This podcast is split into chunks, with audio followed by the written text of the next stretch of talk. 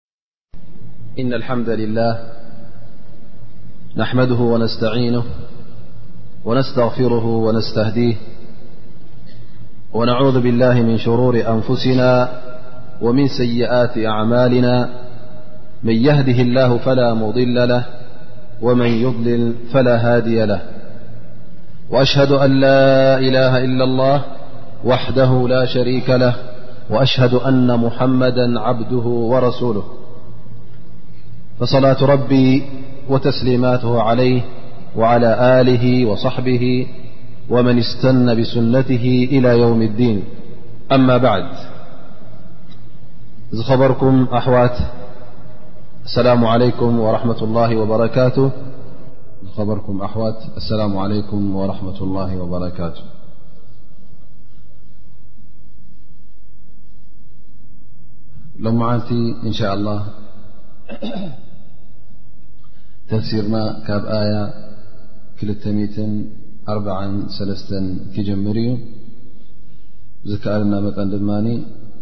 كمت لمود درج حخو إن شاء الله فسيرنا نمسي يقول الله سبحانه وتعالى بعد أعوذ بالله من الشيطان الرجيم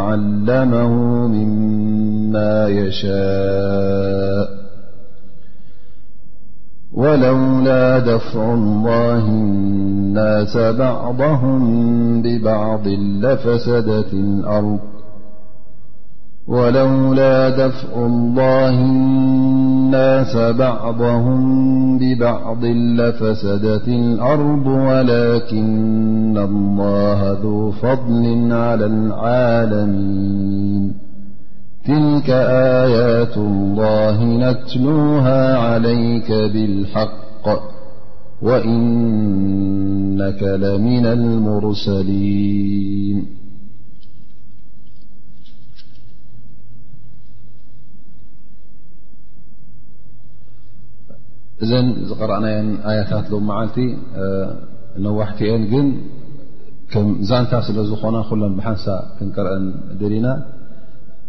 ወይ ከዓ ብሓንሳ ክንቀርአን ፈቲና ምክንያቱ እንሻ ላ ሎማዓት ተኽኢልና ንውድኣ ንኸውን እተዘየሎ እውን እንተሓመቕና እቲ ኣያታት ኩሉ ብሓንሳ ተኣሳሰር ማለት እዩ የቁል ላ ስብሓነ ወተላ ኣብዛ ሎመዓልቲ ዝቐረኣናዮ ኣያ ክልተ ዛንታ ናይ በኒ እስራኤል ኣለዋ ማለት እዩ እቲ ሓንቲ ብዚ ሕፅር ዝበለ ኣገባብ ገይሩ ኣላ ስብሓን ወተዓላ ጠቒሱልና ማለት እዩ እታ ካልኣይቲ ግን ብዝያዳ ትንተናን ብዝያዳ መብርህን ዘለዋ ዛንታ እያ ኩለን ድማ ከምቲ ኩሉ ግዜ ንብሎ እቲ ዛንታ ክጥቀስ ከሎ ብሕልፊ እቲ ናይ ደቂ እስራኤል ማለት ናይ በኒ እስራኤል ቅድሚ ነቢና ሙሓመድ ለ ላ ለ ወሰለም ዝነበሩ እቶም ኣንብያ ነብያት ካብኦም ዝለኣኹ ዝነበሩ ብዛዕባኦም ክጥቀስ እንከሎ ኩሉ ግዜ እቲ ጉዳይ ብዝያዳ ንስኻ ትምህርትን ተመክሮን ከምኡ ውን መለበምን ክጥቀመሉ ብማለት ኣላ ስብሓን ወተዓላ ብዙሕ ዛንታታት ናይ በኒ እስራኤል ኣብ ክታብ ቁርን ይጠቕሰልና የቁል ላ ስብሓን ወተላ ኣብታ ቀዳመይታ ኣያ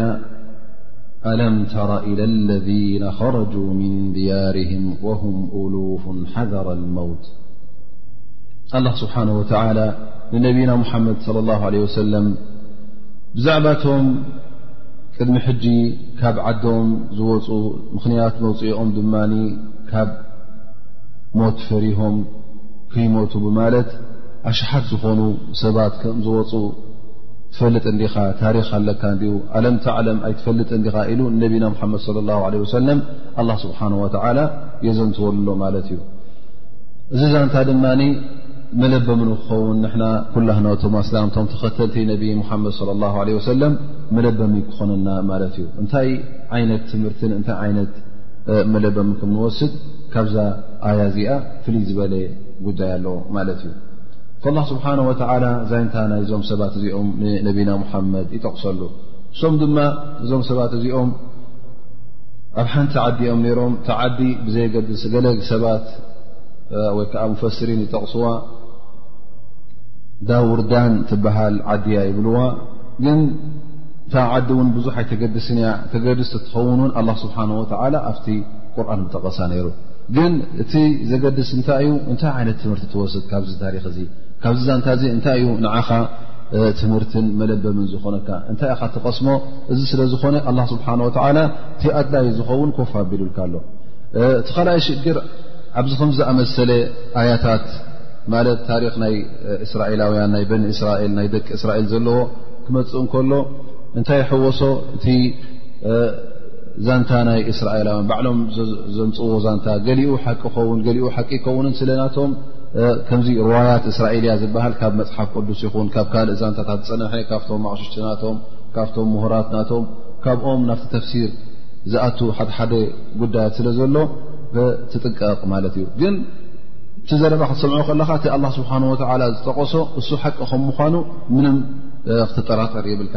ግን ንኣብነት ስማ ናይታ ዓዲ ከምዚ ዝበሃል ነይሩ ኢሎም ተጠቒሱ ንዓኻ ቀዳማይ ነገር ስም ብዙሕ ኣየገድሰካን እዩ ካልኣይ ነገር እውን ትሰምዖ ማለት እዩ ትኸውን ኣይትኸውንን ግን ሚእቲ ካብ ሚእቲ ጭብጢ ኢልካ ዓዲ ከምዚኣ ኢልካ ብጭብጢ ክትብል ኣይትኽእልን ኢኻ ምክንያቱ ኣላ ስብሓን ወላ ኣይጠቐሳን ነቢና ሙሓመድ ስ ለ ሰለ እውን ኣይጠቐሳን ግን ብዛንታ ፅንሐት ማለት እዩ ተባሂሉ ይበሃል ነይሩ ዝብል ግን ካብ ዛንታታ ቐንዲታ ንዓና ተገድስ ኣላ ስብሓን ወተላ ዘንተዋ ዘሎ እዞም ሰባት እዚኦም ካፍታ ዓዶም እዛ ዓዲ እዚኣ ሕማም ስለ ዝኣተዋ ሕማም ኣትዋት ሕማም ድማ መቕዘፍቲ ዝሓዘ ሕማም ስለ ዝኾነ በብሓደ በብክልተ ክሞቱን ትሞት ክበዝሕን ምስ ረኣይዎ እዞም ሰባት እዚኦም ዳርጋ ኣርባዕተ ሽሕ ዝኾኑ እዮም ነሮም ኣብዛ ከተማ እዚኣ ካብዚ ዓዶም እንታይ ኢሎም ንሕናስ ሞት ካብ በዝሐ ብዛዓዲ ሞት ካብ መፀና መቕዘፍቲ ካብ በዝሐ እንታይ ኢሎም ካብዚ ዓዲ ንውፃእ ንህደም ከይንመውት ብማለት ሕጂ እንታይ እዮም ረሲዖም እቲ ኣላ ስብሓን ወላ እቲ ሞትን ህየትን ካብ ኣላ ምዃኑ ረሲዖም እታ ዓዲ ጥራይ ተምቶም ዘላ መሲልዎም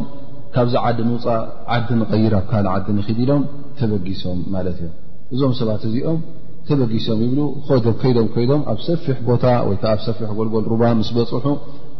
ኣብቲ ቦታ እቲ ኣላ ስብሓን ወተላ ነዞም ሰባት እዚኦም ከምቲ በልና ዓሸሓት እዮም ነይሮም ኣላ ስብሓን ወተላ መላእካ ሰዲዱ ከም ዝሞቱ ገይርዎም ማለት እዩ ሞቱ ኢልዎም ማለት በታ ሓንቲ ቓል ናይ ኣላ ስብሓን ወላ ሞቱ ዝበሎም እቶም መላእካ መፅኦም ኩሎም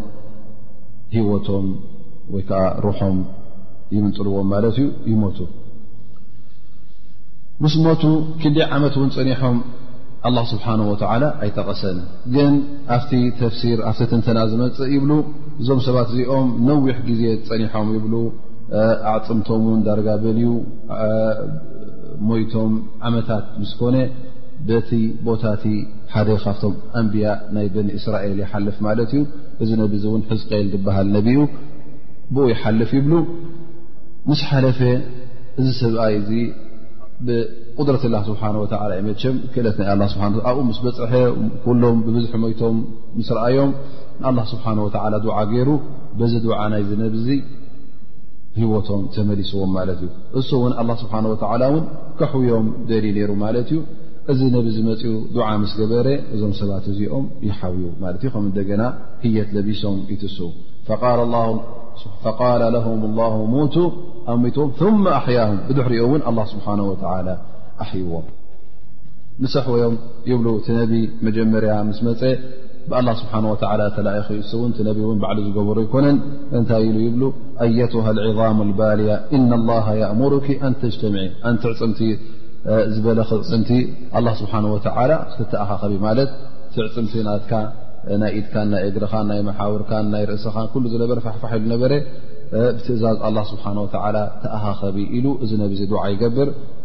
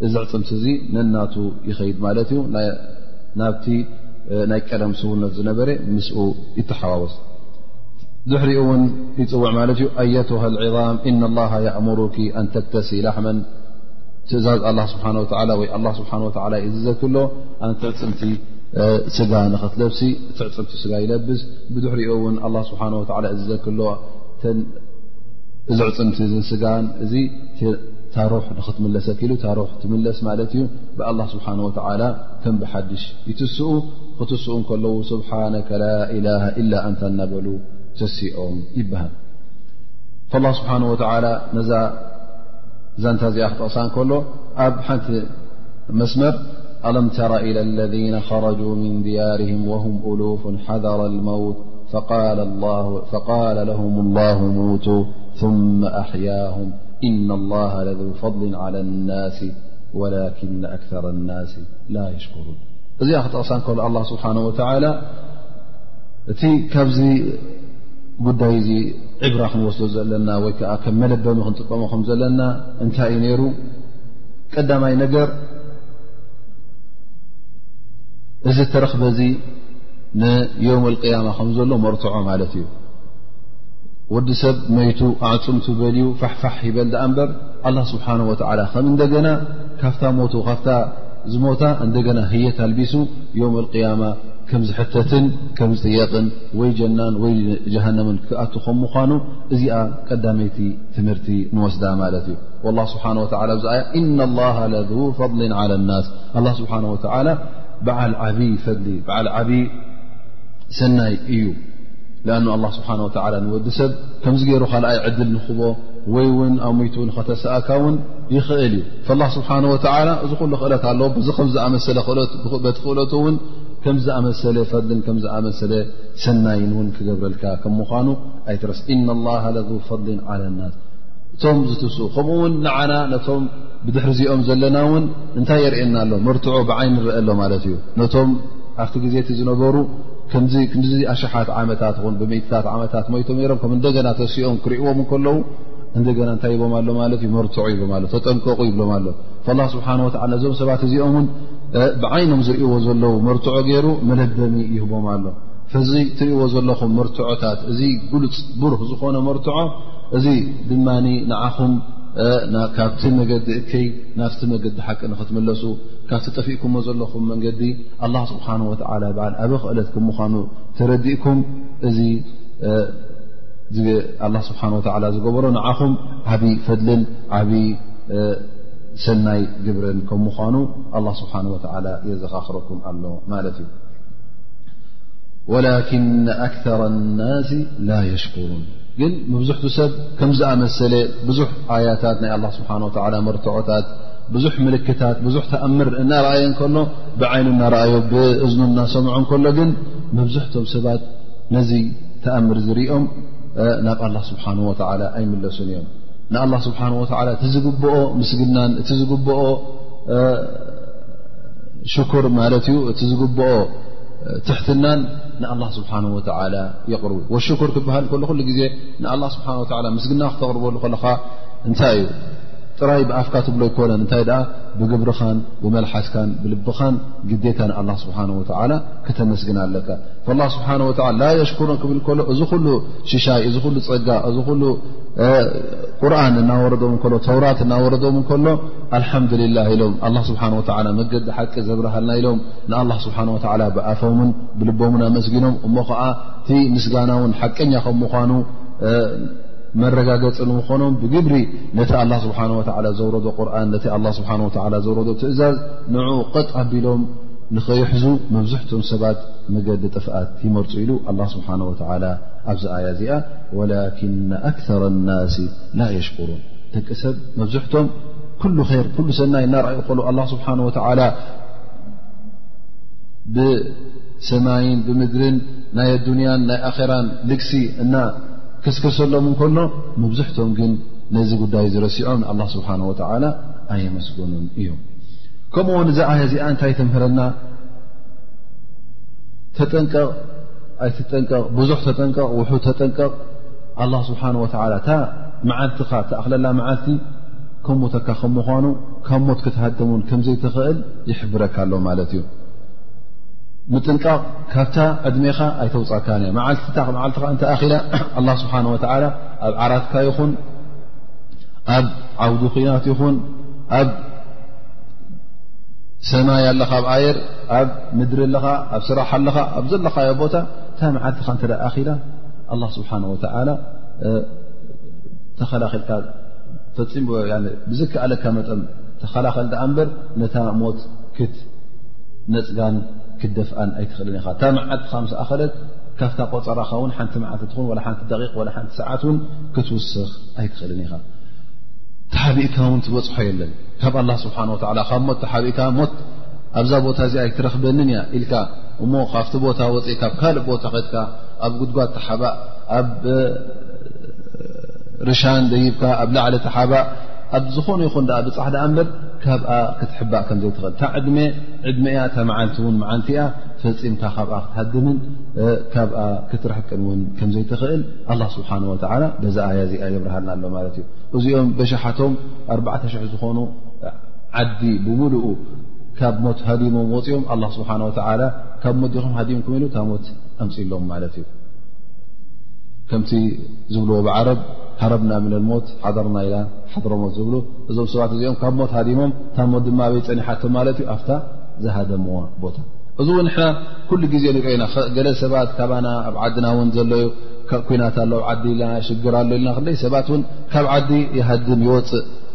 መብዝሕቲ ሰብ ሞት ፈሪሁ ሽግር ፈሪሁ ይወፅእ ምስ ወፀ ሱዳን ምስ በፅሐ ይኹን ኣብ ዝኾነ ዓዲ ምስ በፅሐ ን ታሞት ታ መዓልቱ ምስ ኣኸለት ይመውት ማለት እዩ ግን ኣላ ስብሓን ወተዓላ እታ ከቲብሉ ዘሎ ወይ ብጥይት ትኹን ብጥይት ወይ ከዓ ብማኪና ትኸውን ብማኪና ብድንገት ይኹን ብካልእ ድንገት ይመውት ማለት እዩ ስለዚ እታ ሞት ፈፂማ ኣይ ትተርፈካን እያ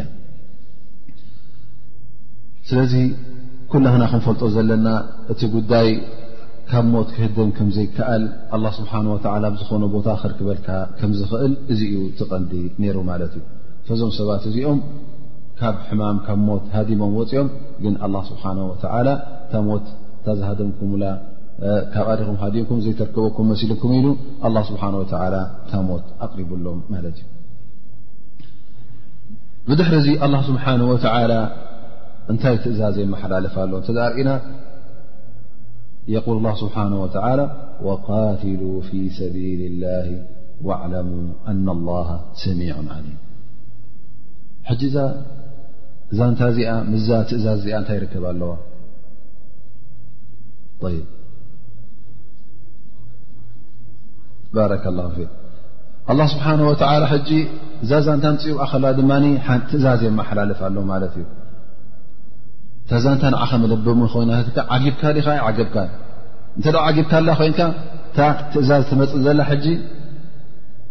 ኣብ ግብሪ ውዕላ ማለት እዩ ወቃትሉ ፊ ሰቢል ላሂ ዋዕለሙ ኣና ላሃ ሰሚዑ ዓሊም እንተ ደኣ እዞም ሰባት እዚኦም በሽሓት ካብ ሞት ሃዲሞም ወፂኦም ካብ ዓዶም ግን እታ ሞት ኣርኪባቶም ካብ ሞት ክሃድሙ ይከኣሉን እታ ሞት እውን ኣይትተርፈካን እያ ስለዚ ወቃትል ፊ ሰቢልላ ምእንቲ ኣላ ስብሓን ወተዓልካ ልላ ኢልካ እውን ተዋጋእ እዚ ተኣትዎ ዘለኻ ኩናት እዚ ተኣትዎ ዘለኻ ውግእ እውን ግዴታ ክትመውት ማለት ኣይኮነን እታ ሞት ኣብታ ኩናት ዝወዓል ከ ኣብታ ዓውዲ ኩናት ትርከበከ መዓልትኻ ኮይና ክትመውት ኢኻ እተዘይ ኮይና ክትምለስ ኢኻብ ገዛኻ ውን ክትመውት ኢኻ እቲ ኩሉ ኩናት ዝኣቱ ክመውት ኣይኮነን እቲ መዓልቱ ዝኣኸለ እዩ ክመውት እስኻ ውን ተ መዓልትኻ ኣኸልካ ኩናት ኮይኑ ካልእ ቦታ ውን ክትመውት ኢኻ ስለዚ እቲ ኣላ ስብሓን ወተላ ዝፅሓፈልካ ፅሑፍቶ ኣላ ስብሓን ወተላ ዝፅሓፈልካ ቀደር ፍፂሙ ኣይተርፈካን እዩ ካብ ጅሃድ ሃዲምካ ካብ ዓውዲ ኩናት ሃዲምካ እውን ዕድሜኻ ኣይውስኽ እታ መዓልቲ ኣላ ስብሓን ወላ ዝፀሓፈልካ ቆፀራ ዘላ እሳ እውን ክደፍኣ ኣይትኽእልን ኢኻ ስለዚ እታ መዓልትኻን ትርዝቅኻን ኩሉ ውሱን ስለ ዝኾነ ካብቲ ኣላ ስብሓን ወላ ዝወሰና ፈፂማ እውን ክድፋእ ስለ ዘይትኽእል ካብኣ ፈፂማ እውን ክትሓልፍ ስለ ዘይትኽእል እዛ ጅሃድ ትበሃልሲ ኣይትፅልኣ እያ ተዋጋእ ሞት እውን ብሰንካ ኣይመፀካን እዩ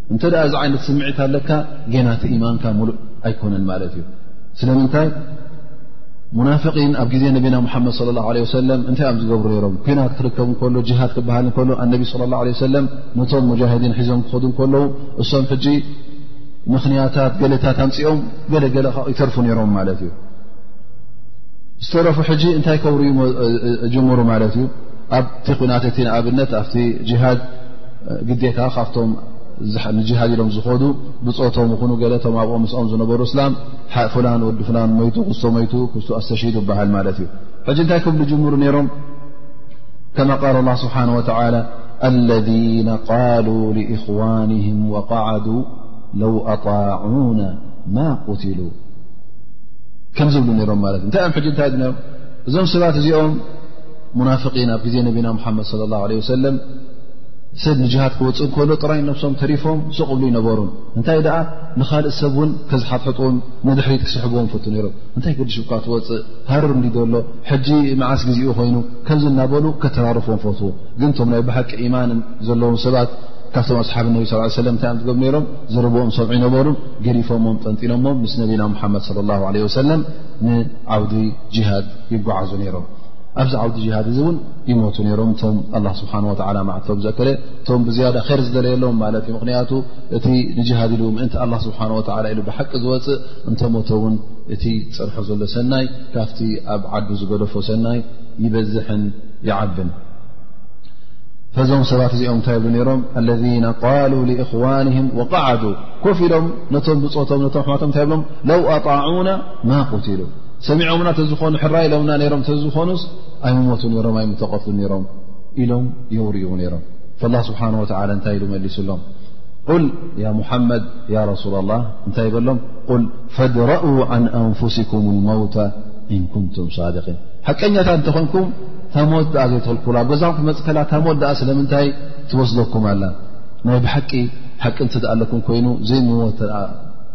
ትብሉ ኣለኹም ኮንኩም ፈድረው ን ኣንፍሲኩም ሞት እስኪ ኣርእዩና እንተ ሞት ትመፀኩም ከላስ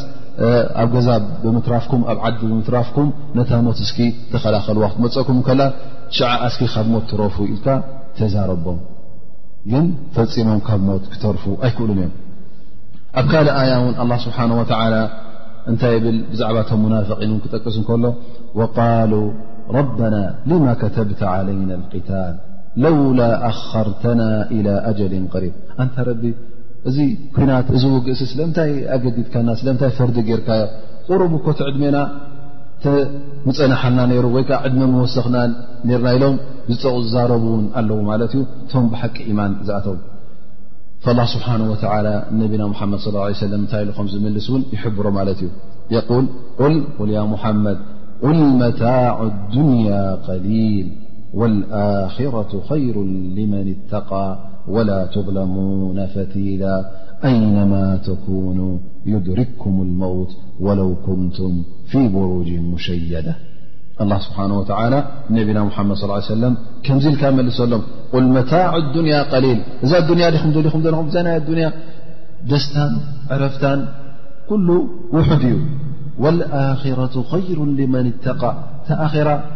እሰኣ እታ ዝበለፀትን ዝዓበየትን ነቲ ብሓቂ ተቕዋን እምነትን ዘለዎ ሰብ ወላ ትظለሙና ፈቲላ ኣላ ስብሓን ወተላ እውን ፈፂሙ ይውፅዓኩምን እዩ ፈፂሙ ኣይልመኩምን እዩ ፈፂሙ እቲ መሰልኩም ኣይገፈኩምን እዩ እንተ ደኣ ምእንቲ ኢልኩም ምእንቲ ኣላ ምእንቲ ዝድን ኢልኩም እተ ተዋጊእኩም እተ ደኺምኩም እተ ሞትኩም ፅባሕ ንግሆ ኣላ ስብሓን ወተላ ዓብዪ ኣጅርን ዓብዪ ሞሳን እዩ ክፈድየኩም ወላ ትظለሙና ፈቲላ ፈፂሙ ፈቲል ዝበሃል እውን ኣበ ላ መስለኩም እዚኣ ኣብ ተምሪ እያ ትርከብ ኣብታ ከብዲ ተምሪ ከምዛ ፈትሊ ንእሽተ ይረቃቀላ ማለት እዩ ወላ ክን ደኣ ውን ኣላ ስብሓን ወተላ ኣይዘልመኩምን እዩ ወላ ክን ደኣ ትኹን እውን ኣይውፅዓኩምን እዩ ኩሉ መሰልኩም ኩሉ ናኩም ሓቅኹም ክትወሃብዎ ኢኹም ኣይነማ ተኩኑ ይድሪኩም ልመውት ኣብዚ ሃለኹም ኣሊኹም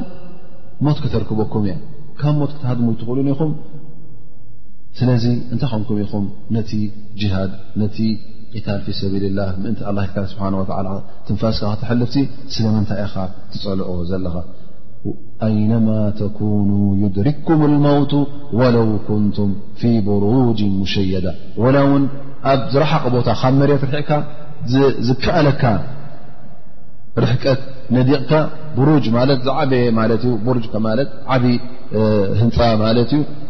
ኣብኡ እውን ወላ ተሓባእ ታሞት ክተርክበካ እያ ስለዚ ፈፂምካ ካብ ሞት ክትሃድም ኣይተኽልን ኢኻ ወዲ ሰብ ኣላ ስብሓን ወተላ ክውለድን ክመውትን እዚ ካብቲ ዘይቅየር ባህርያት ስለ ዝኾነ ፈፂምካ ውን ክትሃድም ኣይትኽእልን ኢኻ እዚ ጉዳይ እዚ እውን ሰይድና ካልድ እብን ልወሊድ ሓደ ካብቶም ኣስሓብ ነቢ ለ ላ ለ ወሰለም እዩ ነይሩ ዛንታ ናቱ እውን ኣብ ታሪክ ገና ኣብ እስልምና ከይኣተወ ከሎ ብድሕሪኡ ውን ኣብ እስልምና ምስ ኣተወ ዓብ ተዋጋኣይ ከም ዝነበረ ብተባዕነትን ብቆራፅነትን ይዋጋእ ከም ዝነበረ ኣብቲ ኩናት ውን መራሒ ኮይኑ ዩ ዝኣቱ ነይሩ ስለዚ ኣብ ቅድሚት ኮይኑ ኩሉ እቲ ናይ ሞትን ናይ መቕተልትን መጀመርያ ንዑ ዩ ዘጓንፎ ነይሩ ግን ካልድ ብወሊድ ምስዚ ኩሉ ኩናት ዝኣተዎን ምስዚ ኩሉ ዓውዲ ኩናት ምስ ቅድሚ እስልምና ድሕሪ እስልምና ምስ ኣስለመ ማለት እዩ እዚ ኩሉ ዓውዲ ኩናት ተኻፊሉን እዚ ኩሉ ምቅታል ኣብቲ ኩናታት እረኸብ ድኣ እምበር መጨረሻ ክመውት እንከሎ ኣብ ገዝኡ መይቱ ማለት እዩ እዚ እውን ንሰይድና ካልድ ብን ወሊድ ትሰሚዕዎ ማለት እዩ እንታይ ይብል ካልድ ብን ወሊድ ክመውት እንከሎ የል ለቀድ ሸሂድቱ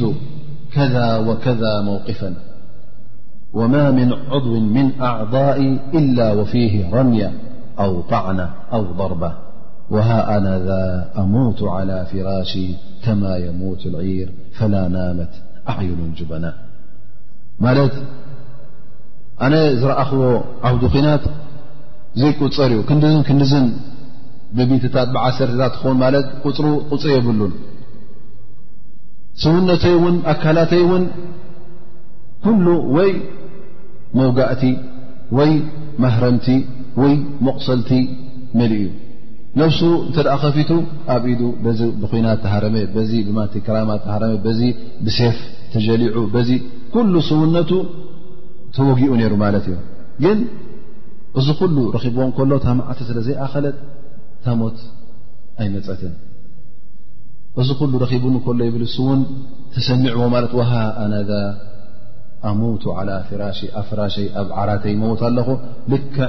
ከም በጊዕ ወይ ከዓ ከም እንስሳ ማለት እዩ ምክንያቱ ኣብቲ ግዜ እቲ እንታይ ሃንቀውትኦም ነይሩ ሊላ ኢሎም ፊሰቤላ ክወፅ እንከሎ ምእንቲ ኣላ ስብሓን ወላ ክመውት እንከሎ እዚ ዓብ ኣጅር ስለ ዘለዎ ኣብኡ ክመውት ደስ ዝብሎ ነይሩ ግን ልክዕ ሕጂታ ነፍሱ ከመይ ቆፂርዋ ማለት እዩ ከም እንስሳ ሓደ ከምዚ ጥቕሚ ዘይብሉ እታ ነፍሲ ክትመውት ከላ ኮንቱ ትመውት ኣላ ማለት እዩ እንታይ ገይራ ትመውት ኣላ ወይ ምእንቲ ኣላ ስብሓን ወላ እናተዋግዐ ምእንቲ ክብረቱ እናተዋግዐ ምእንቲ ሰናይ ነገር ኢሉ ነዛ ነፍሱ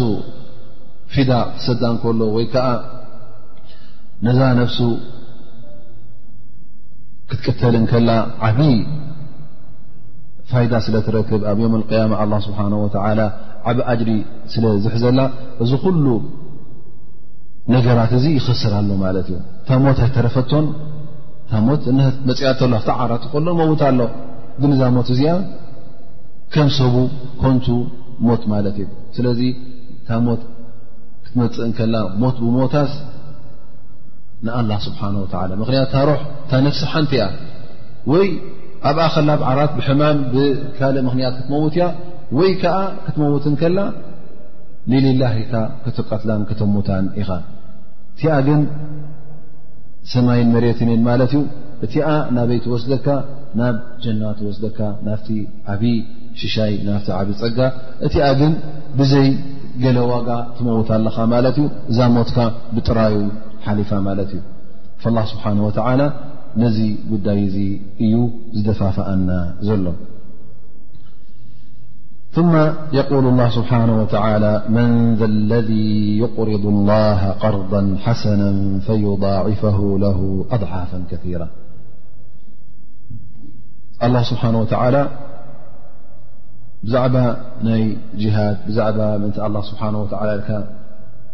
ትዋጋእን ምእንቲ ክብረት እስልምናን ክብረት ሃይማኖት ካንልካ ክትዋግእን ናብኡ ክደፋፍ ፀኒሑ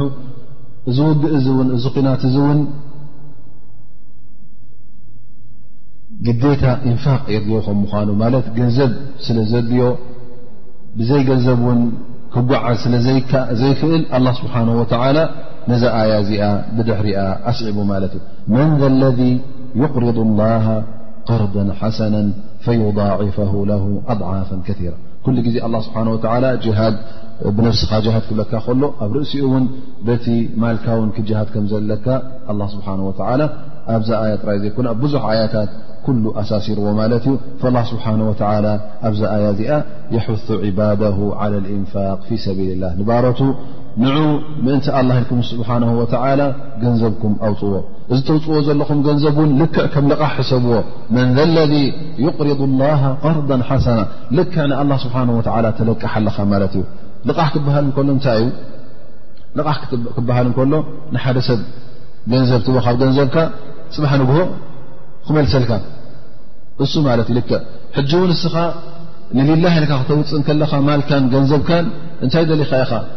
ጽባሕ ንግሆ ኣላ ስብሓን ወተዓላ ነዚ ተውፅኦ ዘለኻ ገንዘብ ኣኪቡ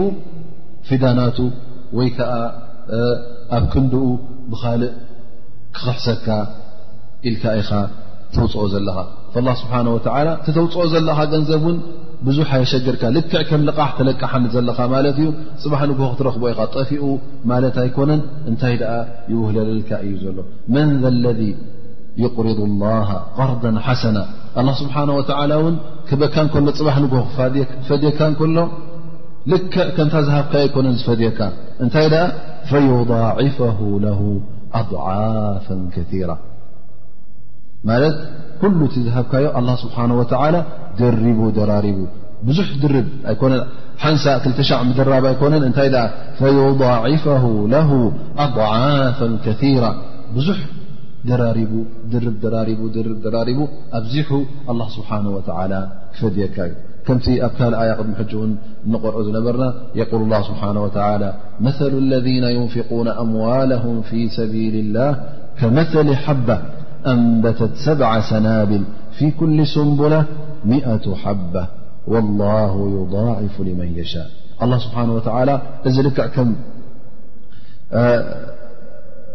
ምስላ ወይ ከዓ ከም ተመሳሳሊ ነገር ገይሩ ከርእየና ከሎ እቶም ሊላህ ኢሎም ገንዘቦም ዘውፅኡ ልክዕ ከመይ እዮም ይብል ኣላ ስብሓን ወተላ ልክዕ ከም ሓንቲ ፍረ ከም ሓንቲ ፍረ ክትዘርኣ ከለኻ እንታይ እኣ ትኸውን እዛ ፍረ እዚኣ ምስ ዘራእካያ ትበቁል ምስ በቆለት እንታይ ተውፅእ ከመተሊ ሓበትን ኣንበተት ሰብዓ ሰናብል ሓንቲ ሓባ ወይከዓ ሓንቲ ፍረ ሓንቲ ጥረ ሰው ክተብላን ከለኻ እዛ ጥረ እዚኣ ድማ ምስ በቆለት ሸዓተ ጉንቦት ወይ ከዓ ሸዓተ ጉንቦ እንተ ደኣ ገይራ ኣበየ ጉንቦ ከዓ ሚቲ ፍረ እንተ ሒዛ ክንደይ ኮይና ማለት እዩ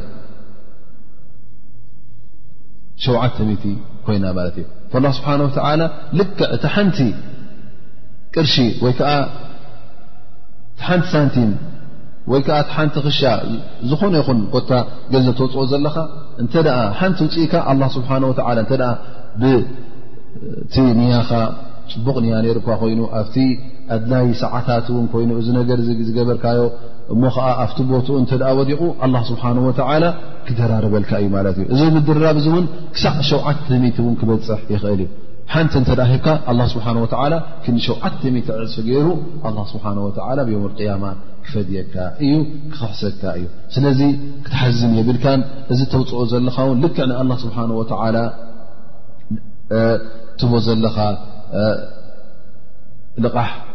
ኮይኑ ክስምዓካ ኣለዎ እተ ብሓቂ ን ኣላ ስብሓን ወላ ን ትፈትዎ ኮንካ ብዝያዳ ከተለኩሖ ኢኻ ሓደ ሰብ እተ ዝፈትዎ ሰብ መፅኡ ዝፈትዎ ዓርኩ ዝፈትዎ ሓዉ እተ መፅኡ እሞ ኣለቃሓኒ እተ ኢልዎ እንተ ኣለዎ ኮይኑ ዝሕጠጥ ኣይብልን እዩ ምኽንያቱ ትፈትዎ ኢኻ ከተቆጥዖ ውን ኣይደልን ኢኻ ሕራይ ኢልካ ኣብሽር ኢልካ ንዓኻ ዘይኮነ ንመን ዘይከውን ኢልካ ትህብ ፈማ ባሉክ ኣላ ስብሓን ወላ ኣለቅሓኒ ክብለካ እንከሎ ፅባሕ ንኩ ክፈድየካየ ዓፃፅፊ ኣይኮነን ከምታ ዝሃብካኒ ጥራይ እውን ኣይኮነን እንታይ ደኣ ደራሪበ ክፈድየካ ዩ ክብለካ እንከሎ ብዝያዳ ናብ ኣላ ስብሓን ወተላ ክትጓየን ክትቀዳደምን ኣለካ ማለት እዩ ፈዩضዕፈሁ ለ ኣضዓፋ ከራ ወላሁ የቅቢض ወየብሱጥ ወኢለይህ ትርጃዑን እሱ እዩ ኣላ ስብሓን ወተዓላ እውን እቲ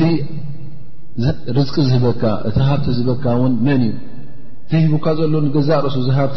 ዝካሒዝካ ዘለካ ገንዘብ መን እዩ ሂቡካ ኣላ ስብሓን ወተዓላ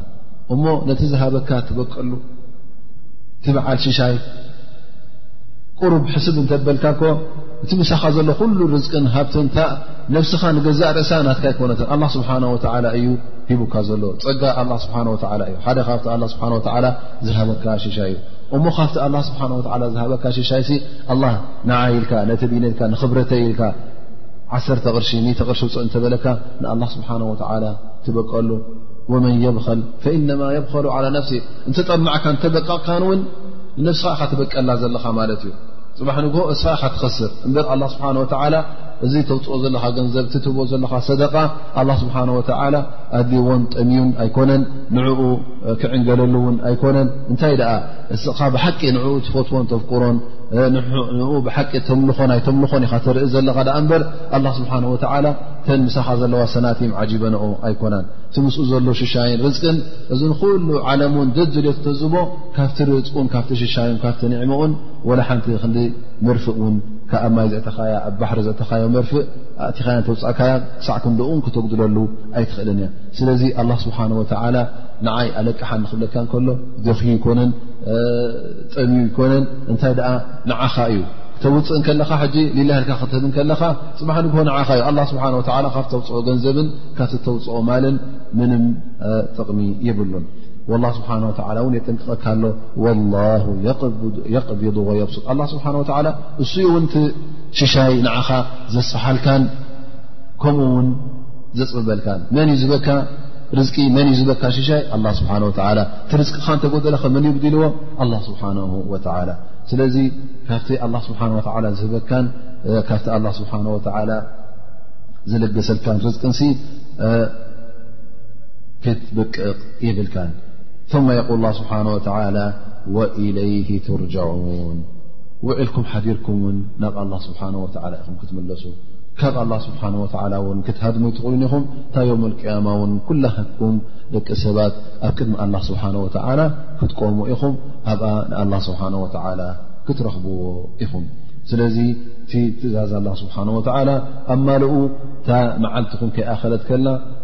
ወዲ ሰብ እታ ቅያማ ናቱ መዓስ እያ እታ ሞቱ እያ እተ ሞትካ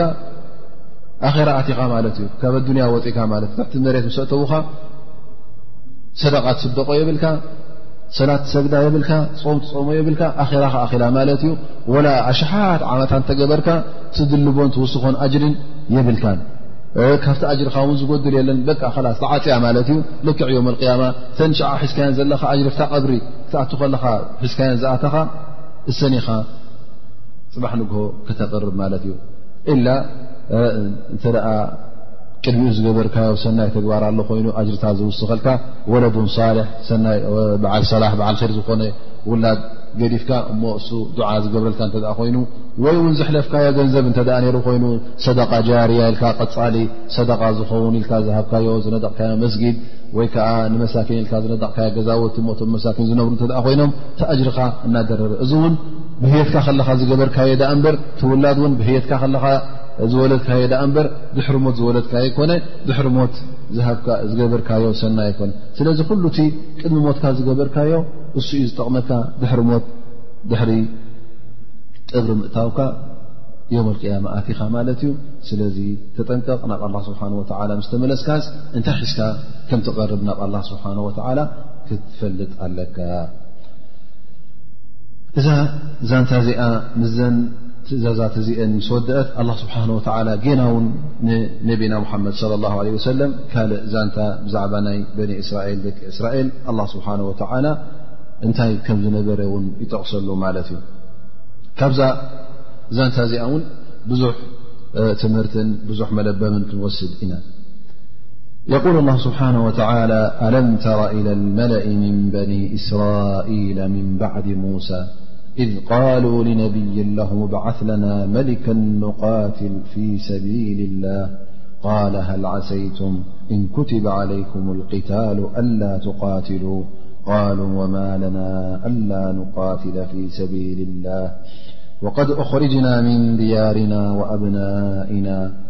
ፈለማ ኩትበ ዓለይህም ልቅታሉ ተወለው ኢላ ቀሊላ ምንሁም ወላሁ ዓሊሙ ብዛልሚን እዞም ሰባት እዚኦም እውን ኣብ ግዜ በኒ እስራኤል ማለት እዩ ቅድሚ ግዜ ነቢና ሓመድ ስ ሰለም ብድሕሪ ሙሳ ዓለ ሰላም ሙማቱ ማለት እዩ ነቢና ሙሳ ምስ ሞተ ብድሕሪኡ ብዙሕ ዓመታት እውን በኒ እስራኤል ፀኒሖም ማለት እዩ ከምቲ ሙሳ ዝገደፈሎም እሶም ዲን ስለ ዝነበሮም ክታብ ኣላ ስብሓን ወተላ ኣብ ኢዶም ስለ ዝነበረ ፅቡቕ ኸዱ ነይሮም እኸዱ ኸዱ ምስ ነበሩ ግን እቲ ግዜ ምስ ነውሐ እውን ኣላ ስብሓን ወተላ ኣንቢያ ዝሰደሎም ገለ ይጋገዩ ኣንቢያ እውን ዝሰደሎም ግን እናኸዱ እናኸዱ ዳርጋ ካፍቲ መገዲ ሓቂ ክወፁ ጀሚሮም ማለት እዩ እዞም ሰባት እዚኦም ኣላ ስብሓን ወተላ ዓዲ ንግስነት ከምኡ ውን ካብኦም ኣንቢያ ይዋለዱ ነይሮም እዞም ሰባት እዚኦም ቲ ኣላ ስብሓን ወተላ ዝሃቦም ፀጋን ሽሻይን ኣመስጊኖም ቀጥ ኢሎም በቲ መገዲ ኣላ ስብሓን ወላ ኣብ ክንዲ ዝኸዱ ንየማን ንፀጋም ክብሉ ምስ ጀመሩ እቲ ዝኣትዎ ዝነበሩ ኩናትን ዓወታትን እውን ንድሕሪት ክሰዓሩ ጀሚሮም ማለት እዩ ኣብ መጨረሻ ምስ ተሰዓሩ እቲ ኣብ ኢዶም ዝነበረ ተውራት እቲ ኢዶም ዝነበረ ውን ምስ ታቡት እውን ነይሩ ማለት እዩ እዚ ታቡት እዚ እቲ ክታብ ተውራት ዝቕመጠሉ ዝነበረ ማለት እዩ እዚ እውን እቶም ፀላእቶም መፂኦም ከሕድግዎም ክኢሎም ማለት እዩ ብድሕሪ እዚ እዞም ሰባት እዚኦም ተሳዒሮም ካብ ዓዶም ገሊኦም ተሰጉጎም ማለት እዩ ካብ ደቆም እውን ተዘሪፎም ፀላኢ ሒዝዎም ከይዱ ማለት እዩ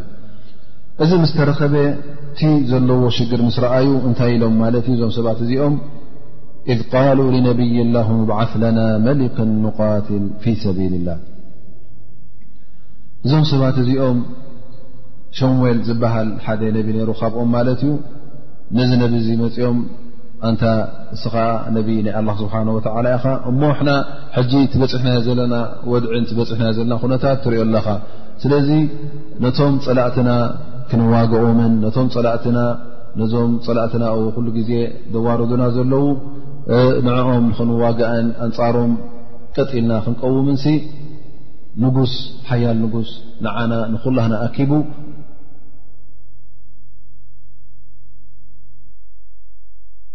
ላ ንኣ ስብሓ ዱዓ ጌርካስ ሓደ ካባና ንጉስ ንክኸውን ምረፅ ይብልዎ ማለት እዩ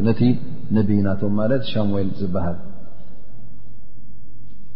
እቲ ምኽንያት መምረፂኦም ድማ እንታይ እዩ ነይሩ እብዓት ለና መሊከን ንቃትል ፊ ሰቢል ላ ንጉስ ተ ትገይሩና መራሒ ስለ ዝኾነ እዚ መራሒ እዚ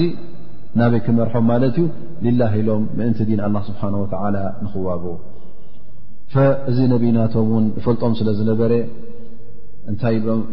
ሃልዓሰይቱም እን ኩቲበ ዓለይኩም ልቅታሉ ኣላ ትቃትሉ ምናልባሽ ሕጂ ትዛረቡ ኣለኹም ግን ፅባሕ ንግሆ እዚ ትብልዎ ዘለኹም ንጉስ ምስ ነገሰ እሞ ከዓ ብድሕሪኡ እውን ኣላ ስብሓን ወተላ እሞ ተዋግኡ ኢልኩም ትእዛዝ እተ ተመሓላሊፍኩም ሲ ትዋግኡ ዶ ብሓቂ ወይ ዝተተትሓርሕሩ ኢኹም ኢሉ ይምልሰሎም ማለት እዩ እዞም ሰባት እዚኦም ግን እንታይ ኢሎም ምልሱ ቃሉ ቃሉ ወማ ለና ኣላ ንቃትለ ፊ ሰቢል ላ እንተ ኮይና ዘይንዋጋእ እንታ ኮይና ምእንቲ ኣላ ስብሓን ወተላ ምእንቲ ክብረት ዲን ላ ስብሓን ወላ ዘይንዋጋእ ክርእየና እንዶ የለኻን ንሕና ደቅና ወቀድ ኣኽርጅና ምን ድያርና ቀዳማይ ካብ ዓድና ተሰጉግና ማለት እዩ ፀላኢ ዓዶም ኣትዩ ዓዶም ሒዙሎም ማለት እዩ ንዕኦም ሰጉጉ ወኣብናኢና ደቅና እውን ኣብ መንጎና ንሕና ደቅና እውን ተፈላሊና ማለት እዩ ደቅና ፀላኢ ዘሪፉ ወሲዱ ንዓዶም ወሲድዎም ኢሎም ተዛሪቦም ማለት እዩ ወማ ለና ቃሉ ወማ ለና ኣላ ንቃትለ ፊ ሰቢል ላ ወቀድ ኣኽርጅና ምን ድያርና ወኣብናእና ግን እንታይ ትተረኸበ እዚ ኢሎም ክዛረቡ ፀኒሖም ባዕሎም ዝጀምርዎ ነገር ንነብዮም መፂኦም ንጉስ ኣንግሰልና ሓደ ካባና ንጉስ ምረፂ ኢሎም ነቲ ነቢ ባዕሎም መፅኦሞ እሞ ከዓ እቲ መምረፂኦም ናይ ንጉስ ምረፀና መበሊኦም ንኽዋግኡን መንግስቲ ኮይኖም ክእለት ንኽረኽቡን ኢሎም ተዛረብዎ ብድሕሪኡ እውን ቲ ነቢ ኣጠንቂቕዎም እስኹም ክእለት ኣለኩም ዩ የብልኩምን ሎምስ ክንዋጋ ኢና ትብ ኣለኹም ፅባሕ ን ኣላ ስብሓን ወተላ ተዋግኡ ምስ በለኩም ከይተድሓርሕሩ ኢሉ ምስ ኣጠንቅቖም ላ ፈፂምና ይነድሓርሕርኢና ኢሎም እዚ ኩሉ ክዛረቡ ፀኒሖም ኣላ ስብሓን ወተላ እንታይ ይብል ፈለማ ኩትበ ዓለይህም ልቅታሉ ተወለው ኢላ ቀሊላ ምንሁም ወላ ዓሊሙ ብልሚን እዞም ሰባት እዚኦም ኣላ ስብሓ እዚ ኩሉ ክብሉ ፀኒሖም ኣላ ስብሓን ወተዓላ እሞ ንኽትዋግኡ ኣዚዘኩም ኣለኹ ትእዛዝ እዩ ፈርዲ እዩ ኢሉ ምስ ኣውረዶ መብዝሕቶም ንድሕሪት ተመሊሶም ነዚ ትእዛዝ እዚ ኣይተቐበልዎን ፈለማ ኩትበ ዓለይህም ልቅታል ተወለው ንድሕሪት ኣድሓርሒሮም ኢላ ቀሊላ ምንሁም ውሕዳት እዮም ቶም ነዚ ጉዳይ እዚ ሕራ ኢሎም ተቐበልዎ ኣላ ስብሓን ወተላ እውን እንታይ የርእና ኣብዚ ሕጂ ሓደሓደ ግዜ ምናልባሽ ምስቲ ኩነታት ምስቲ ወድዒ ዘሎ ዝኾነ ሰብ እንታይ ይመስሎ ቀሊል ነገር ዝመስሎ እቲ ምውጋእን ትምቅታልን ትልላህልካ ስብሓን ወተላ ትንፋስካ ምሕላፍን ቀሊል ዝመስለካ ግን መጀመርያ ምርምራ እተ ተረኺቡ ኣብቲ ፈተነቲ መብዝሕቱ ሰብ ይትርፍ ማለት እዩ መብዝሕቱ ሰብ ይወድቕ እቲ ናይ ብሓቂ ፈተነ ክመፅእ እንከሎ መጀመርያ ያዕዕ ኢልካ ትጅምሮ ሓደ ጉዳይ ግን ናይ ብሓቂ ፈተነ ክመፅእ እንከሎ እቲ ያዕዕ ዝብል ኩሉ ኣይቅፅልን እዩ ሓማስ ወይ ከዓ ስምዒት ብስምዒት ነገር ተረኽቡ ኸውን ኩሉኻ ያዕ ኢልካ ትጅምሮ ሕራይ ሕራይ ኢልካ እንታይ ኣለዎ እንታይ ኣለዎ ኢልካ ትጅምሮ ኣብ መጨረሻ ግን እታ ናይ ብሓቂ መጀመርያ ፈተነ ክትረክበካ ከላ እንታይ ትገብር ማለት እዩ መብዝሕታ ሰብ ተዝሰሕጥ ተምዝተፉ ውሕዳት ይኾኑ ስለዚ ኩሉ ግዜ ብያዕያዓይካ እተ ጀሚርካ ሆልካ ትጀምሮ ግን ግዴት ኣይኮነን እዚ ነገር እዚ ኩሉ ሰብ ተኣኪብዎ ኩሉ ሰብ ነዚ ነገር ዚ መሪፅ ወኢልካ እሞ እዚ ሰብ እዚ ይደልዮ ኣሎ እዩ ይፈትዎ እዮም ኢልካ ስጉምቲ ክትወስድ ከለኻ ኣብ ሽግር ከውድቐካ ይኽእል እዩ ስለዚ ፈተነ ግዴታ ኸውን እዚ ኩሉ ሰብ ሕራይ ሕራይ ዝብል ፀንሐ እዚ ሰብ እዚ ክፍተን ኣለዎ ማለት እዩ ብሓቂ እዚ ሰብ ዚ ኢማን ኣለዎ ድዩ ኢማን የብሉን ክፍለት ብሓቂ እቲ ዝብሎ ዘሎ ናይ ኣፍ ድዩ ወይስ ካብ ልቢ ተበገሰ እዩ ስለዚ ኣላ ስብሓን ወተዓላ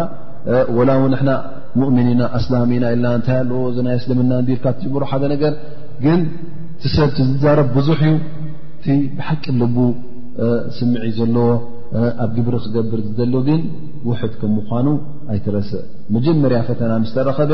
ዘዝሓጥሕጡ ብዙሓት ኣለዉ ذ ኣ ስብሓ ይብል ፈለማ ኩትባ ዓለይም ቂታል መጀመርያ ፈተነ እንታይ እታ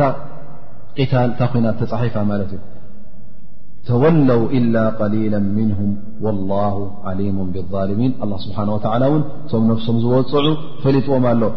ትማሊ ባዕሎም ብኣፎም ክዛረቡ ፀኒሖም ሎም መዓልቲ ትእዛዝ ካብ ኣላ ስብሓን ወላ ምስ መፀ ንድሕሪ ተመልሱ ኣላ ስብሓን ወላ ፈሊጥዎም ኣሎ ትማሊ ባዕሎም ብኣፎም ዝበልዎ ንሕና ክንገብር ኢና ክንገብር ኢና ኢሎም ቃል ዝኣተውዎ ነቲ ቃሎም ኣየኽበሩን እዞም ሰባት እዚኦም ድማ ነብሶም ወፂዖም ዳኣ እምበር ንኣላ ስብሓን ወላ ኣይወፅዑን እዚ ቀዳማይ ፈተነ ገና ፈተነታት ክመፆም ዩ ክትሪኦም እዮም እዚኦም ሕጂ መጀመርያ ፈተነ መፅኡ ገሊኦም ተሪፎም ኣለዉ እንደገና ካልኣይ ፈተነ ምስ መፀ እውን መብዝሕቶም ክተርፉ እዮም ሳልሳይ ፈተና ውን ክመፆም እዩ እዞም ሰባት እዚኦም ውን ኣብቲ ፈተና ኩሎም ዳርጋ መብዝሕቶም ክተርፍ እዩ ግን ቶም ዝፃረዩ መጨረሻ እንታይ ክኾኑ ከመይ ገይሮም ከም ዝዕወት እውን ኣብዛ ዛንታ ናይ በኒ እስራኤል ክበርሃልና እዩ ድሕር እዚ ኣላ ስብሓን ወተላ ነዛ ዛንታ እዚኣ ክጠቕሰልና ከሎ ይብል ወቃላ ለሁም ነብይሁም እና ላሃ ቐድ ባዓተ ለኩም ጣሉተ መሊካ ኣላ ስብሓን ወተላ ንጉስ እንዲኹም ጠሊብኩም ነርኩም መጀመርያ እቲ ኩናት ምስ ተኣዘዞም ከም ዝኣበዩ ብድሕሪኡ እውን ኣላ ስብሓን ወተዓላ መን ከም ዝመረፀሎም ጣሎት ዝበሃል መሊክ ወይ ከዓ ንጉስ መሪፅሎም ማለት እዩ እቲ ንጉስ እዚ ምስ ተመረፀ ድማ ኣይዓጀቦም እዩ መጀመርያ ባዕሎም ነቲ ነቢ መፅኦም መረፀልና ኢሎሞ እዚ ሰብ እዚ ድማ እቲ ነቢ ድማ ኩሉ ግዜ ሓደ ስጉምቲ ክወስድ እንከሎ ባዕሉ ደስ ኢልዎ ኣይኮነን ዝወስድ ሓደ ስጉምቲ እንታይ ደኣ ኣላ ስብሓን ወላ ብዝኣዘዞ ስለ ዝኸይድ ንመን መሪፁ ነዚ ጣሉት ዝበሃል ላ ስብሓ ወ እና ላ ባዓተ ለኩም ጣሉት እዚ ነገር እዚ እውን ባዕሊ ዝምፃእኮ ኣይኮነ ማለት እዩ ብኣላ ስብሓን ወላ ተመሓላለፈ ንትእዛዝ እዩ ስለዚ ጣሉት ዝበሃል ሰብኣይ ነይሩ ማለት እዩ እዚ ጣሉት እዚ ድማ ሓደ ተራ ወተሃደር እዩ ነይሩ ተራ ወተሃደር ስለ ዝኾነ እዞም ሰባት እዚኦም እንታይ ኢሎም ቃሉ ኣና የኩኑ ለ ሙልኩ ዓለይና ወናሕኑ ኣሓቁ ብልሙልክ ከመይ ገይሩ እዙ ሰኡልካ ተራ ወተሃደር ንጉስ ክኸውን ምረፅ ንሕና ዶ ንበልፅን ካብኡ ምክንያቱ እንታይ ነይሩ ኣብ በኒ እስራኤል ሽዑ እቶም ንግስነት ዝወስዱ ሓደ ወለዶ ስብጢ የሁዳ ዝበሃሉ እሶም እዮም ነሮም እታ ንግስነት ኩሉ ግዜ ኣብኦም እያ ነራ እቲ ነብይነት ድማ ኣብ ካልእ ወለዶ እዩ ነይሩ ማለት እዩ ስለዚ ኣላ ስብሓን ወተላ እቶም ናይ ንግስነት ወለዶ ናይ ንግስነት ዝነበሮም ነቲ ንግስነት ስለ ዘየኽበርዎ ነታ መገዲ ሓቂ ሒዞም ስለ ዘይከዱ ኣላ ስብሓን ወተላ ሕጂ ንካልእ መሪፁ ካልእ ሂብዋ ማለት እዩ እዞም ሰባት እዚኦም ግን ክቕበልዋ ኣይከኣሉ መብዝሕቶም ሕጂ ኣና የኩኑ ርሁን ሞልኩ ዓለይና ተሓሳቦም ድማ እተ ርእናዮ ኩሉ ብናይ ኣዱንያ ጥራይ ሓስቦ ማለት እዩ ኣና የኩኑ ለሁ ሞልኩ ዓለይና ወናሕኑ ኣሓቁ ብልሙልክ ምን ወለም ይእተ ሰዓተ ምና ልማል እዚ ሰብ እዚ እውን ገንዘብ የብሉን ከመይ ገይሩ ንጉስ ክኸውን ንጉስ ክኸውን እተ ኮይኑ ክእለት ናይ ማል ክህልዎ ኣለዎ ናይ ገንዘብ ክህልዎ ኣለዎ ነቲ ክህብን ነቲ ክኸልእን ካብቲ ክምንዝዕን ስለዚ ሃብታም ዘይኮነስ ከመይ ገይሮ ንጉስ ዝኸውን ኢሎም ክፃረሩ ጀሚሮም ማለት እዩ ኩሉ ተግባራቶም መጀመርያ ባዕሎም ዝጀመርዋ ቀጢሎም ሕራይ ክንዲድብሉ ባዕሎም ከፊቶማ እታ ጉዳይ ግን ኩሉ ግዜ እታ ናይ ጅሃድ ዝመረፅዋ ምስ ተፃሓፈት ዝሐትሐጥ ኢሎም እንደገና እቲ ንጉስ ምስተመረፀሎም እውን ከዝሓትሐጡ ጀ ኣና የኮኑ ለ ሙልኩ ዓለና ከመይ ገይሩ ዝንዓና ንጉስ ዝኸውን ቅቡል ኣይኮነን እዚ ወለድኡ ፅሩይ ኣይኮነን እቶም ነጋውስ ዝኾኑ መልክዖምን ግብሮምን ኣካይደኦምን ገንዘቡን ሃብቶምን ፍሉጣት እዮም እዚ ግን ተራ ወተሃደር መፂኡ ንዓና ክመርሓና ኢሎም ይነፅግዎ ማለት እዩ እንታይ ኢሉ መሊስሎም እቲ ነቢ ማለት እዩ ቃል እና ላሃ ኣስጠፋሁ ዓለይኩም ኣላ ስብሓን ወተላ ነዚ ሰብ እዙ መሪፁ ካብ ኩልኹም ምሩፅ ገይርዎ ዘሎ ነዚ ሰብ እዙ እዩ እና ላሃ ኣስጠፋሁ ዓለይኩም ካልእ ነገር እውን ነዚ ሰብ እዚ መሪፁ ወዛደሁ በስጠተ ፊ ልዕልሚ ወልጅስም ንስኹም ናይ ገንዘብ ናይ ማል ጥራይ ትሪኢ ኣለኹም ግን ኣላ ስብሓን ወተዓላ እቲ ንንግስነት ዝኸውን ገንዘብ ከም ዘይምዃኑ እንታይ ደኣ ወዛደሁ ነዚ ሰብ እዚ እውን በስጠተን ፊ ልዕልም ትምህርትን ፍልጠትን ሂብዎ ወልጅስም ከምኡ እውን ናይ ስውነት ክእለት ሂብዎ ንጉስ ክኸውን ከሎ ኣብቲ ግዜ እቲ መራሒ ክኸውን እንተደኣ ኮይኑ ንወተሃደራት መሪሑ ዝኸይድ ዓውዲ ኩናት ዝኣት ዝዋጋእ ክኸውን ነይርዎ ክእለት ዘለዎ ናይ ጉልበት ማለት እዩ እዚ ድማ እዚ ሰብ ዘሎ እዚ ኣ ስብሓ ላ ሓደ ሂቡ ካልኣይ ነገር እውን ፍልጠት ሂብዎ ማለት እዩ ፍልጠት ተ ተዋሂቡ ሓደ ሰብ ን ክእለት ናይ ፍልጠት ስለ ዘለዎ እንተ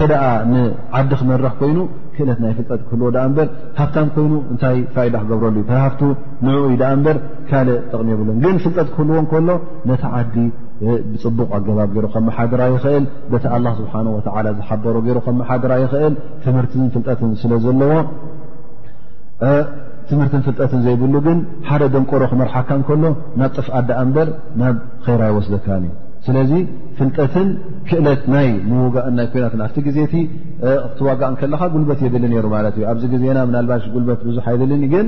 ኣብቲ ግዜ እቲ እቶም መራሒ ዓዲ ወይከዓ መራሒ ሃገር ክኸውን ከሎ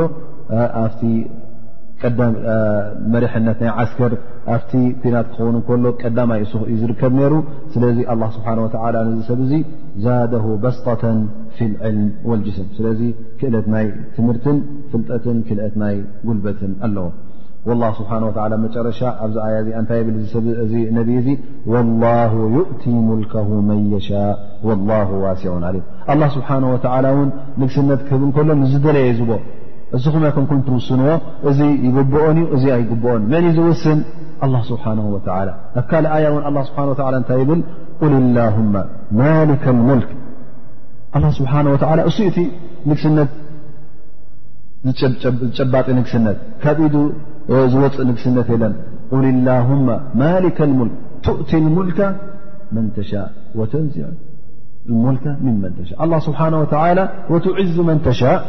ወትድሉ መን ተሻ ኣላ ስብሓን ላ ንግስነት ንሱ እዩ ዝህብ ንሱ እዩ ድማ ዝምንዘዕ ንሓደ እውን ክብረትን ልኡልነትን ክህቦ እተ ኮይኑ ኣላ ስብሓን ወላ እዩ ዝቦ እንተ ሕስረትን ውርደትን ክህቦ ኮይኑ እውን ካብ ኣላ ስብሓን ወላ እዩ ላ ስብሓን ወላ ነዞም ሰባት እዚኦም እንታይ ወላ ዩእቲ ሙልከ መን የሻ ናህና እዩ ኣብቲ ወለዶና እዩ ነይሩ ኣብ ወለዶ እዳእከለ እዩ ነይሩ ኢልኩም ኣይትዛረቡ ኣላ ስብሓን ወላ ሂብዎ ንግስነት ሰቕ ኢልኩም ክትቅበሉ ኣለኩም ወላ ዩእቲ ሙልከ መን የሻ ወላሁ ዋሲዑን ዓሊም ኣላ ስብሓን ወተዓላ እውን በዓል ሰፊሕ ክብርን በዓል ሰፊሕ ሃብትን በዓል ሰፊሕ ሽሻይን በዓል ሰፊሕ ፀጋን እዩ ፀጋናቱ ሰፊሕ እዩ ደረት እውን የብሉን ዓሊም ኣላ ስብሓን ወተዓላ እውን እቲ ፍልጠቱ እውን ሰፊሕ እዩ ንዓኹም ዝኸውንን ንዓኹም ዘይከውንን መን እቲ ንግስነት ዝግብኦ መን ኸቲ ንግስነት ዘይግብኦ ኣላ ስብሓን ወተዓላ እሱ እዩ ዝፈልጥ ንግስነት ተሓዘ መን እዩ ዘበላሹ ንግስነት ምስ ሓዘ መን እዩ ዝዐሪ እውን ኣላ ስብሓን ወላ እሱ እዩ ዝፈልጦ ስለዚ ትእዛዝ ኣላ ስብሓን ወላ ተቐበሉ ወላ ዋሲዑን ዓሊም ትመሪፅልኩም ዘሎ ኣላ ስብሓን ወላ ካብ ፍልጠትን ካብ ክእለትን ተበግሰ ስለ ዝኾነ ሕራይልኩም እሽኢልኩም ተቐበሉ ኣብ ርእሲ እዚ እውን እንታይ የብሎም እቲ ነቢ ማለት እዩ ዝያዳ ከማዕ ንክትዓግቡ እውን ኣላ ስብሓን ወላ ምልክት ሰይድልኩም ኣሎ እዚ ሰብ እዚ ንጉስኩምን መራሒኹም ንክኸውን እውን ኣላ ስብሓን ወላ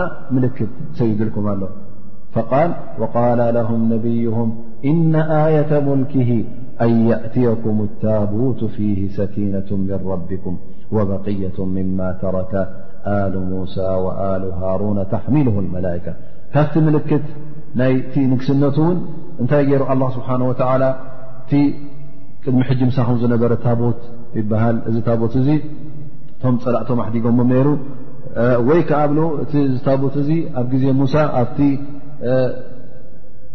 ኣብቲ ሳሕራ ወይ ከዓ ኣብቲ ምድረ በዳ ጠፊኦም ከለዉ ጠፊኡ ነይሩ ይብሉ ኣላ ስብሓን ወተላ ወይ ከዓ እዚ ነቢ እዚ እንታይ ይብሎም ምልክት ናይ እዚ ንግስነቱ እውን ኣላ ስብሓን ወተላ እታ ዝጠፋኣትኩም እተ ፀላኢ ዘሕደግኹም ታቡት እሳ ክትምለሰኩም እያ እዛ ታቡት እዚኣ እውን እንታይ ነይርዋ ይብሉ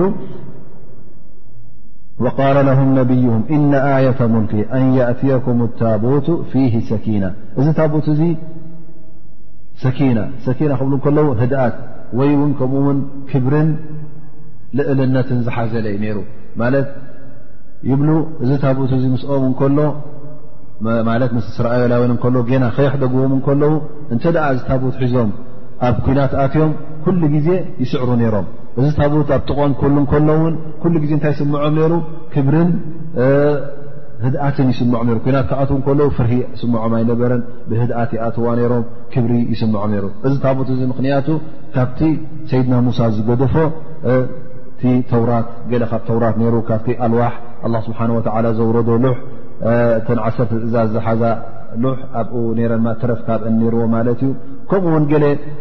በትሪ ናይ ሰይድና ሙሳ ነይሩ ገለ ውን ካብቲ ንብረቶም ዝገደፍዎ እቲ ኣብ ግዜ ሰይድና ሙሳ ዝነበረ ካብ ኣላ ስብሓን ወተዓላ ዝወረደ እቲ ሙዕጅዛ ወይ ከዓ ተኣምር ዝርእሉ ዝነበሩ ኣብዚ ታቦት እዙ እዩ ነይሩ ፈዚ ታቦት እዙ ከየሕደብዎም እንከለዉ ምስኦም ስለ ዝነበረ ብሰንኩ ማለት ምስኦም ስለ ዝነበረ ይዕወቱ ነይሮም እሱ ምስ ኣሕደብዎም ግን ፋሕ ብትን ኣትዎ ነይሩ ላ ስብሓን ወተዓላ ይብሎም እዚ ታቦት እዙ ሕጂ ክምለሰኩም እዩ እዚ እውን ምልክት ናይ ምንታይ እዩ ናይዚ ንጉስ እዚ ተመርፀ ናቱ ምልክት እዩ እዚ ታቦት እዚ እውን እናረኣዮ ከለዉ ብሰማይ ብላዕሊ መላእካ ሒዞሞ ይወርዱ ማለት እዩ ከ ቃል ስብሓ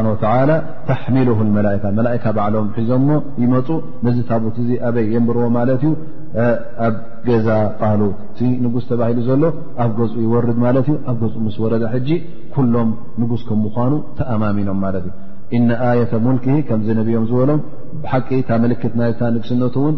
ኣይኮነን ኣይከውን እዩ ትብሉ እንዲኹም ዘለኹም ምልክት ዓብ ምልክት ኣሎ ኢሉ እዚ ነብይ እዚ እታ ምልክት ይነግሮም ማለት እዩ እታ ታቦት እውን ኣላ ስብሓን ወተላ ይልእካ ይሰዳ ማለት እዩ ምስ መላእካ እዞም መላእካ እውን ሒዞማ ናብ ጣሎት የቕርብዋ ማለት እዩ ንጣሎት ኣብ ገዝኡ የውርድሉ ወየቁል ስብሓ ፊ ሃየት ሃ ኣያ እነ ፊ ذሊከ ለኣየة ለኩም እን ኩንቱም ሙእምኒን ብሓቂ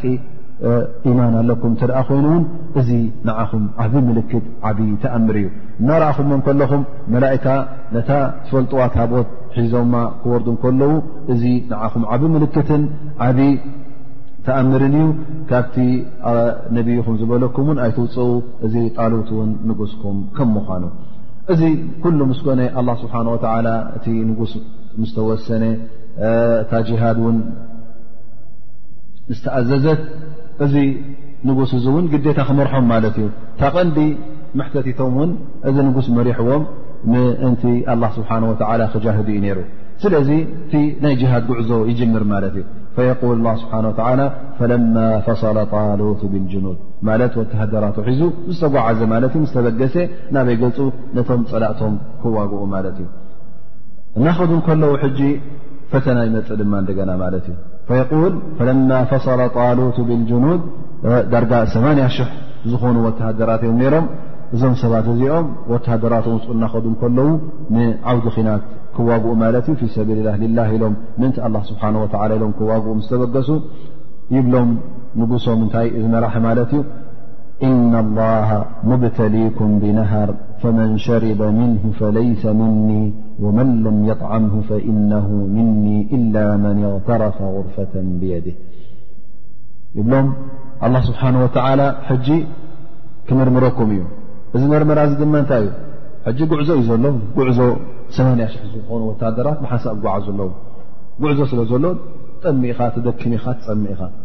ላ ስብሓን ወተላ እታ መርመራ እታ ፈተነ እንታይ ገይርዋ ኣብ መገዲ ባሕሪ ወይ ከዓ ወሓዚ ማይ በዚ ወሓዚ ማይ ክፍትነኩም እዩ እታ ፈተነ እንታይ ነይራ ድሕሪ ኣዛ ንተሰራ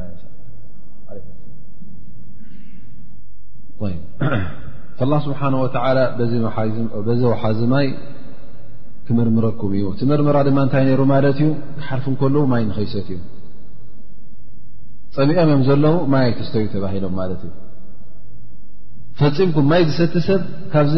ወሓዚ እዙ ምሳይ ኣይከይድ ዩ ክተርፍ እዩ ከይሰተየ ዝሓልፍ ወይ እንተ ደኣ ክሰቲ ኮይኑ እውን ብኢሉ ቕዳሕ ሓቢርኡ ከሎ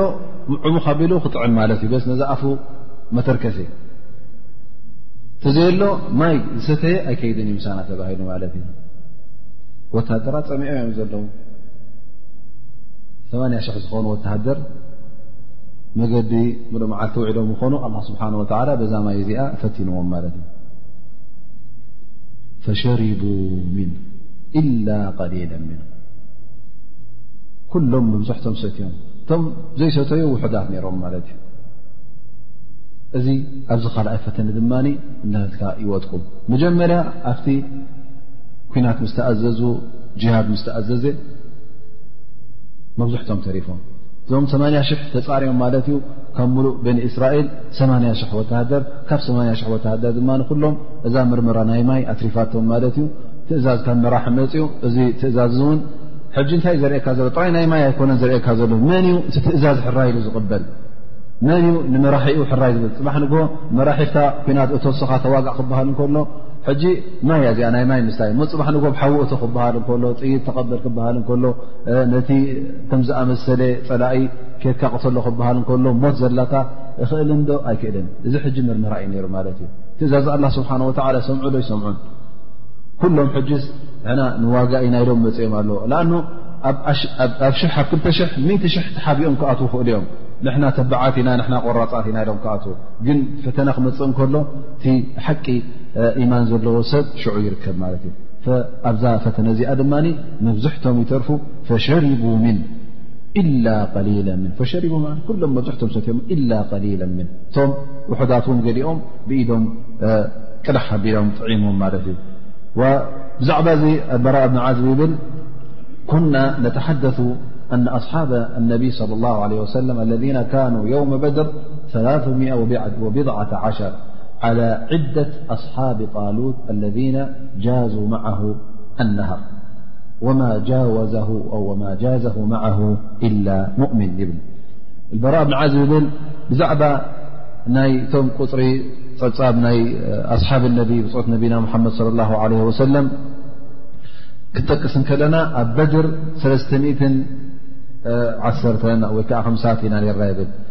እቶም ካብ ሰማንያ ሽሕ ዝተረፉ እቶም ብሓቂ ሙእምኒን ዝነበሩ እቶም ባሕሪ ዝሰገሩ ድማ ዳርጋ ከማና እዮም ነሮም ሰለስተ ገለ መለታት እዮም ነሮም ይብል ወማ ጃዘሁ ኢላ ሙእምን ብሓቂ ኢማን ዘለዎ ሰብ ሽዕኡ ዝሓለፈ ድኣ እምበር ኩሎም ተሪፎም ማለት ተኸየል ካብ ሰማንያ ሽሕ ዳርጋ ሰለስተ ሚእቲ ተፃርዮም ማለት እዮም እዚኦም እቶም ብሓቂ ኢማን ዘለዎም ማለት እዩ ዝሓለፉ ሕጂ እንታይ ኮይኖም እቶም ዝተረፉ ክ ካል ሰተ ላስ ተሪፉ ማት ዩ በይበይ ከብዱ ገለመለታት እኦም ግን በታ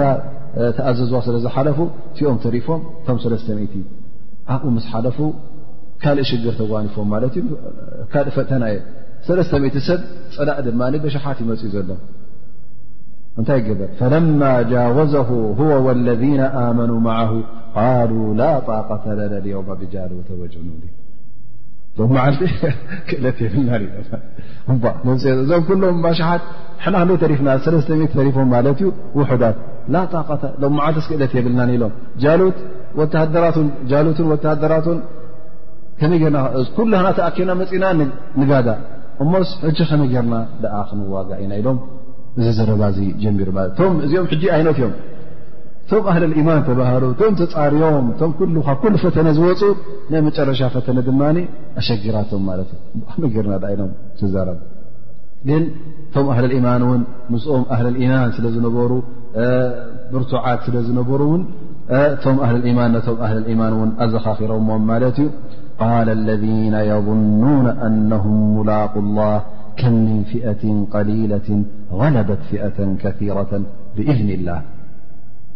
ወላሁ ማዓ ኣሳብሪን እቶም ብሓቂ ዕልሚ ዝነበሮምን ፍልጠት ዝነበሮምን ነዞም ሰባት እዚኦም ሕጂ ከተባብዕዎም ጀሚሮም እቶም ብሓቂ ፅባሕ ንግሆ ዮም ቅያማ ከም ዘላ ዝፈልጡ ኢማን ዘለዎም ሰባት ከም ምን ፊኣት ሊለት غለበት ፊኣተ ከራ ስዕረት ኩሉ ግዜ ኮኒ ብብዝሒ ከምዘ ምኳኑ ጠቂሶምሎም ማለት ዩ ክንደይ ውሑዳት ንክንደይ ብዙሓት ዘይሰዓሩ እሞ ሕና እቲ ቀንዲ ነገር ምሳና ዘሎ መን እዩ ኣላ ስብሓን ወተላ ከም ምን ፊኣት ቀሊለት غለበት ፊኣተ ከራ ብክእለት ኣይኮነን ብጉልበት ኣይኮነን ብሓይል ኣይኮነን እንታይ ደኣ ብእዝኒ ላ ብፍቓድ ኣላ ስብሓን ወላ ኣላ ስብሓን ወተላ እተ ትኹን ኢሉ ትኸውን ማለት እዩ ላ ስብሓን ወተላ ወላሁ መዓ መን መዓ ኣሳብሪን ሰብሪ ንግበር ትዕግስቲ ንግበር ኣላ ስብሓን ወላ ምሳና ክኸውን እዩ ተፀሚምና ብትዕግስቲ ንቀበላ እዛ ወሪዳትና ዘላ ኣላ ስብሓን ወተላ ውን ምሳና ክኸውን እዩ ከም ምን ፊኣት ሊለት غለበት ፊኣት ከራ ይብዝሑ ድኣ እምበር ክንደይ እዶ ውሑድ ዓስክር ንብዙሕ ዓስከር ዘይሰዓረ እዚ ግን ኩሉ ብምንታይ እዩ ብእዝኒ ላ ፍቃድ ኣ ስብሓ ስብሓ ብዝኣዘዞ ኣብ ርእሲኡ ድማ ኣላ ስብሓ ወላ ኩሉ ግዜ ምስቶም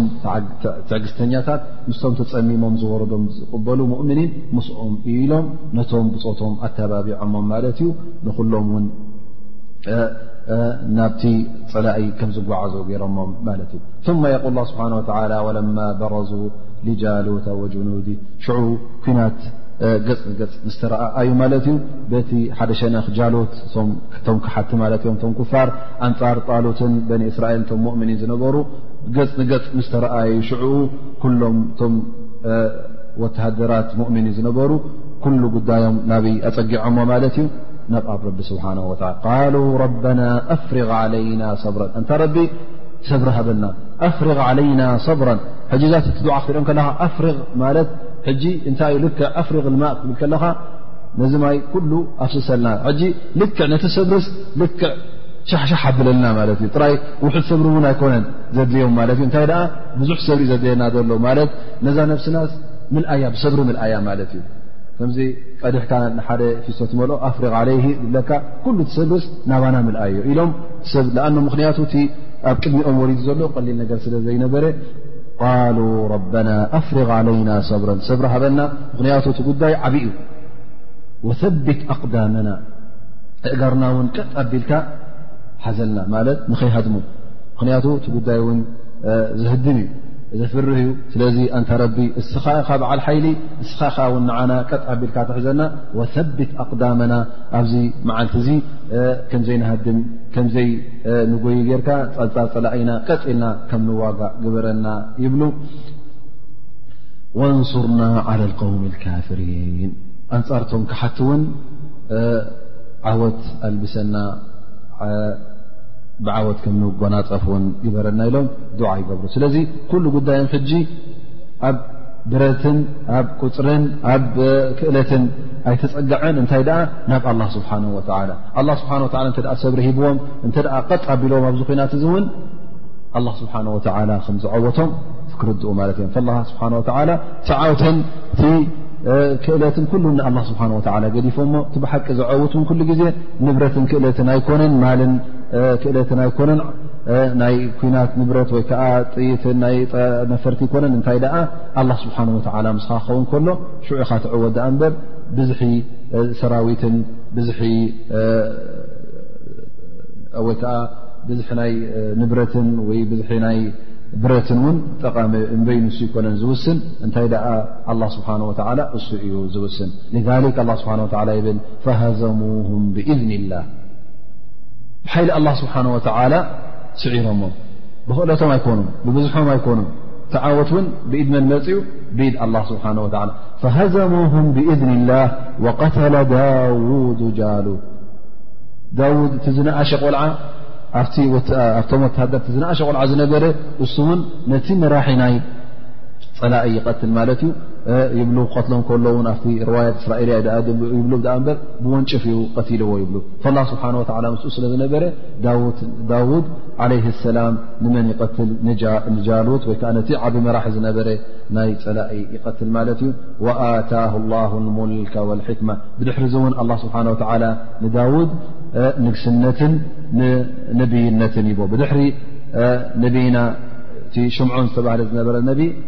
ከምኡ ውን ጣሉት እዩ ነሩ ንጉስ ብድሕሪኦም ግን እቲኦም ክልቲኦም ምስ መቱ ኣላ ስብሓን ወላ እታ ንግስነትን እታ ነብይነትን ንመን ሂብዋ ንዳውድ ዓለ ሰላም ሂብዋ ይብሉ ምኽንያቱ እንታይ ኢሉ ጣሉት እንተ ደኣ ሎም መዓልቲ ንጃሉት ዝቐትል ሰብ ኣነ ንጓለይ ከመርዕዎ እየ ኣብቲ ንግስነተይ እውን ክተሓባበረንን ምሳይ ክኸውንን ኢሉ ኣብታ መዓልቲ ኩናት ተዛሪቡ ማለት እዩ እቲ ዝቐትል ድማ መን ኮይኑ ዳውድ ኮይኑ ካብታ መዓልቲ እቲኣ ጓሉ ተመርዕዩ ኣብቲ ናይ ንግስነት እውን መፅዩ ማለት እዩ ብድሕሪኡ እታ ንግስነት ናብኡ ተመሓላሊፋ እዚ እውን ኣላ ስብሓን ወተላ ዝሃቦ እዩ ዓለመሁ ምማ የሻ ኣብ ርእሲኡ እውን ኣላ ስብሓን ወተላ ዝደልዮ ነገር ኩሉ ዓሊምዎ ማለት እዩ ክእለት ናይ ሰንዓ ተለቡስ ይኹን ወይ ከዓ ብሓፂን ዝስራሕ ደርዕታት ገደምታት ብዙሕ ዓይነት ፍልጠት ሂብዎን ሰይድና ዳውድ ዓለ ሰላም